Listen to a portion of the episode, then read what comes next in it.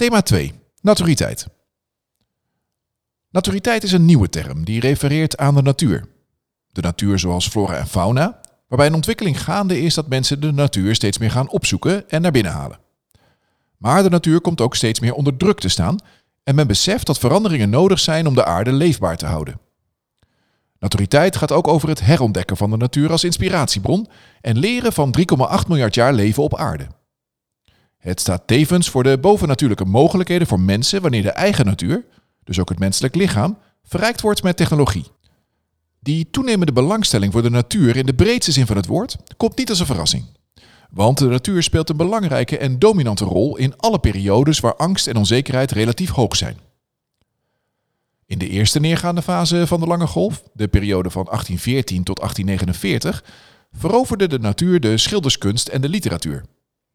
En tijdens de tweede fase, en dan met name rond de 20e eeuwwisseling, komt in Duitsland bijvoorbeeld de Lebensreformbeweging tot stand. Met een focus op natuurlijke voeding, natuurlijk wonen en veel buitenlucht, sport en beweging. En ook tijdens de vorige overgangsfase, in de jaren 70, groeide de belangstelling voor de natuur en natuurlijk leven. Mensen trokken met elkaar de natuur in en de eerste wandelverenigingen en natuurcommunes waren een feit. Diezelfde ontwikkeling is nu weer gaande. Veelal in groepen trekken mensen van binnen naar buiten om te hiken, trailen, mountainbiken en sportief te wandelen. De natuur is namelijk angstvrij, geeft rust, verwacht van niemand iets en is een veilige plek om in te verblijven. Van outdoor yoga en weekendjes weg in de natuur tot Japanse bosbaden om te relaxen en te herstellen. Mensen willen even weg van alle prikkels en genieten van al het goeds dat de natuur te bieden heeft.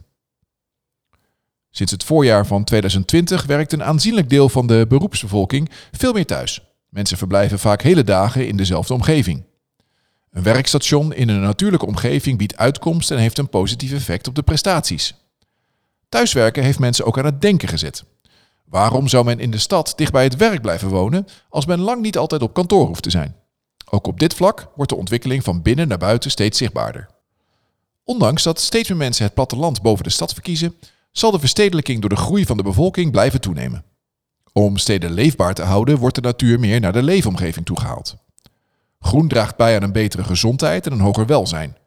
Zo is in een studie in 1984 bijvoorbeeld al aangetoond dat mensen sneller genezen als ze uitkijken op natuur.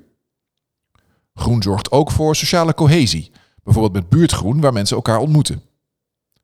Daarnaast is meer groen van belang in de strijd tegen wateroverlast en extreme hitte en heeft het een gunstig effect op de biodiversiteit. Er ontstaan allerlei initiatieven zoals groene daken, stadslandbouw, eh, tiny forests en natuurinclusief bouwen. Tijdens de Floriade Expo van 2022 in Almere tonen veel organisaties hun visie op de groene stad van de toekomst. Na afloop van deze expositie heeft Almere er een nieuwe stadswijk bij, die heel toepasselijk naar de naam Hortus luistert. Natuur zal ook een nadrukkelijkere rol gaan spelen bij de inrichting van binnenruimte. Zo zullen woningen en werkplekken vergroenen, enerzijds door letterlijk de natuur en het groen naar binnen te halen, en bedrijven en merken spelen op die behoefte in door nieuwe producten en diensten te ontwikkelen. Zo biedt het bedrijf Apperbloem een abonnement op een plantenbak aan en heeft Elho als missie om de natuur te brengen naar waar mensen thuiskomen. Anderzijds laat men zich steeds meer inspireren door de natuur. In dit licht wordt gesproken over biophilic design, waarbij elementen uit de natuur in leefomgevingen worden gebracht. Zo bootst het merk Interface de natuur na met tapijttegels die zijn geïnspireerd door een bospad in de herfst. In de jaren 70 protesteerde men tegen zure regen en sterfte van bepaalde diersoorten. Nu gaat het onder andere over klimaatstakingen, vliegschaamte en vleesconsumptie. En als het gaat om ons voedingspatroon, kwam de Eat Lancet vorig jaar met een schijf van 5 voor 2050, die veel meer rekening houdt met de grenzen van de natuur en het voedsel eerlijker verdeeld in de wereld. Om de aarde leefbaar te houden gaat men ook andersom met reststromen. Was afval vaak waardeloos of zelfs een kostenpost, nu ziet men juist de waarde ervan in. De circulaire of blauwe economie wordt steeds meer gemeengoed. Denk daarbij bijvoorbeeld aan het kweken van oesterzwammen op koffiedrap, het gebruiken van gerecycled plastic in de schoenen van Timberland en de Waste to Energy Plant Copenhagen in Kopenhagen. Steeds meer organisaties en merken gaan hiermee aan de slag.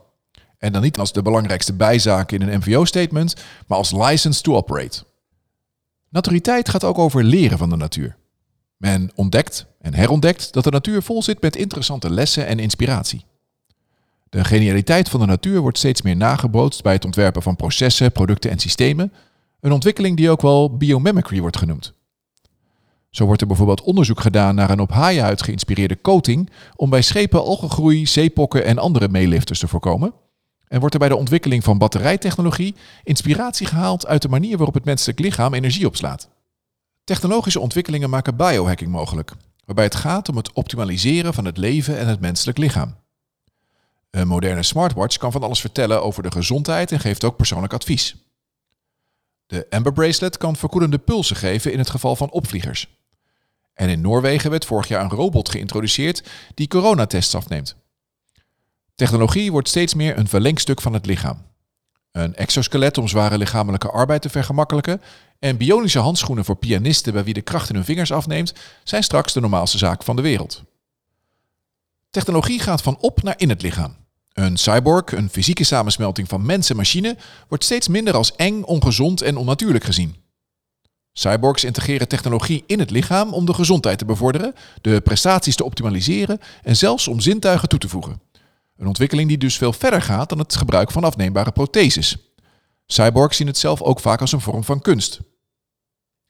Tesla en SpaceX-oprichter Elon Musk gaat nog een stapje verder. Hij wil met zijn technologiebedrijf Neuralink het brein verbinden met het internet en bovennatuurlijke mogelijkheden bieden.